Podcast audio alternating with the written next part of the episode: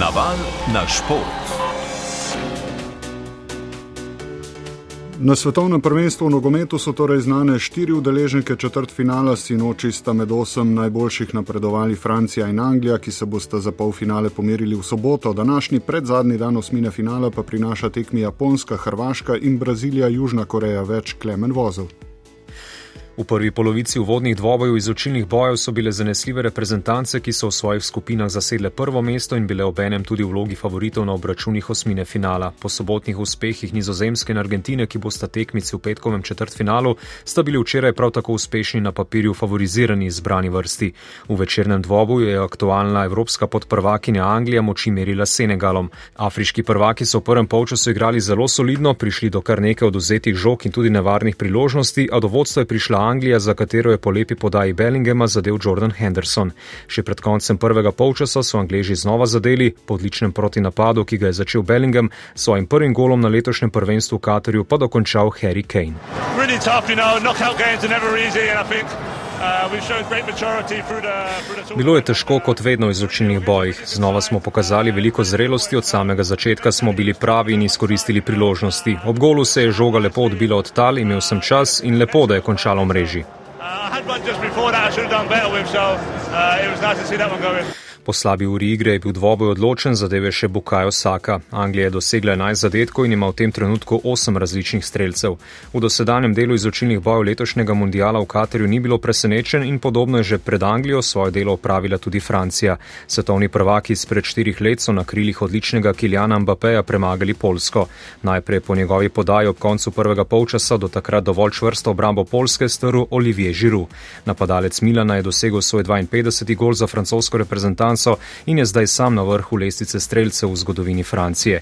Prehitev je legendarnega napadalca Thierry Henrya. O tem je Olivier Giroud govoril tudi po tekmi. Ouais,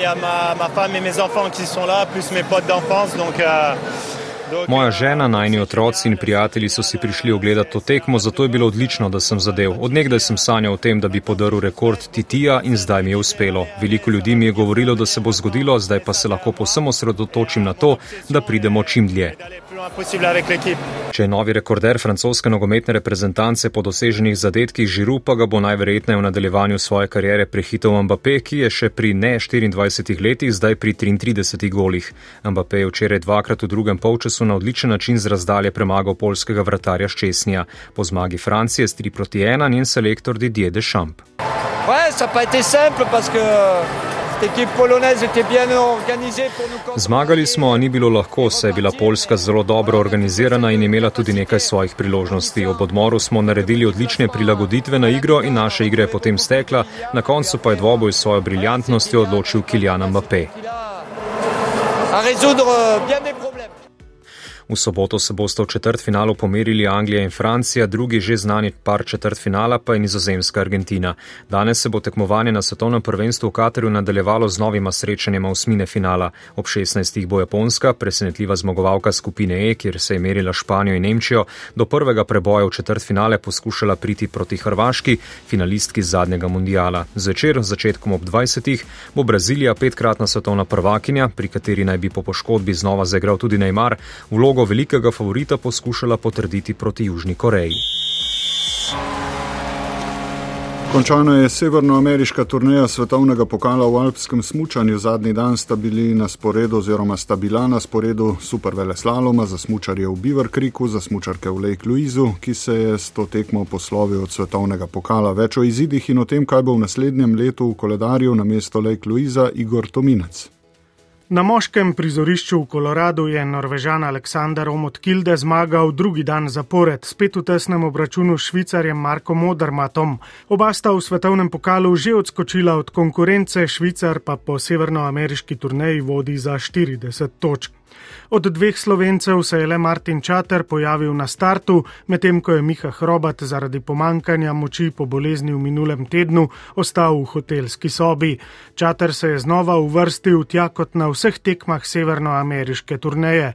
Zanimivo, njegovi rezultati so se na štirih zaporednih tekmah zvrstili od 20. do 22. mesta, na katerega se je uvrstil na včerajšnji tekmi.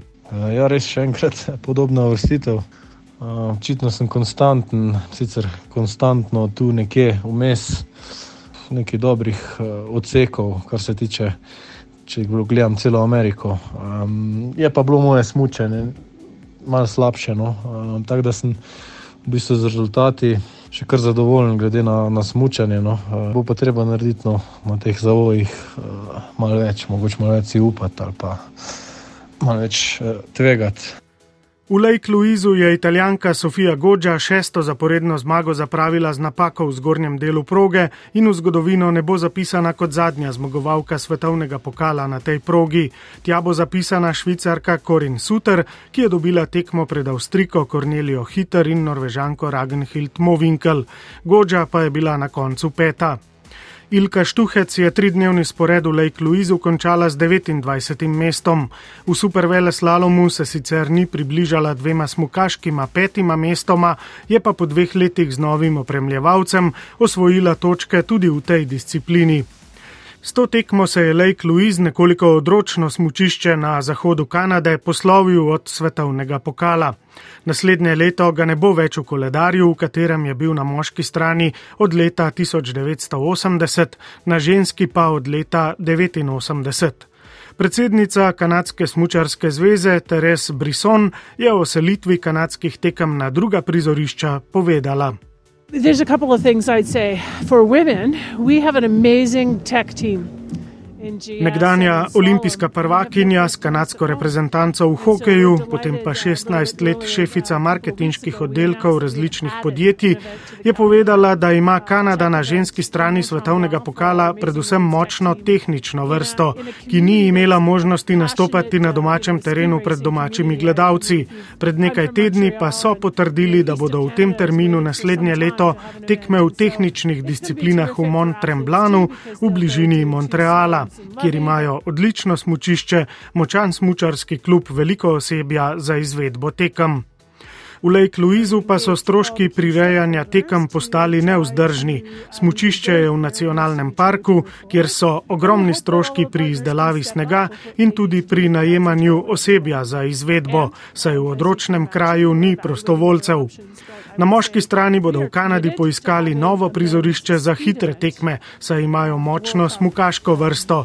Tekme bodo ostale nekje na zahodu države.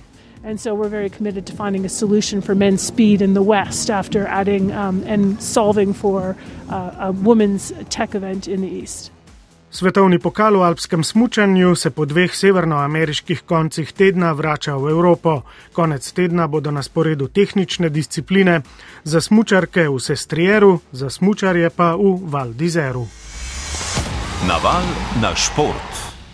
Na četrti tekmi smučark skakalk v tej sezoni, prvi pravi na snegu, so si noči v Lillehammerju drugi zapored tri slovenke končale med deseterico. Najboljša je bila Ema Klinec na petem mestu, Nika Križna šesta, Urša Bogataj deveta, Nika Prevc je po sobotnem sedmem mestu ostala brez točk.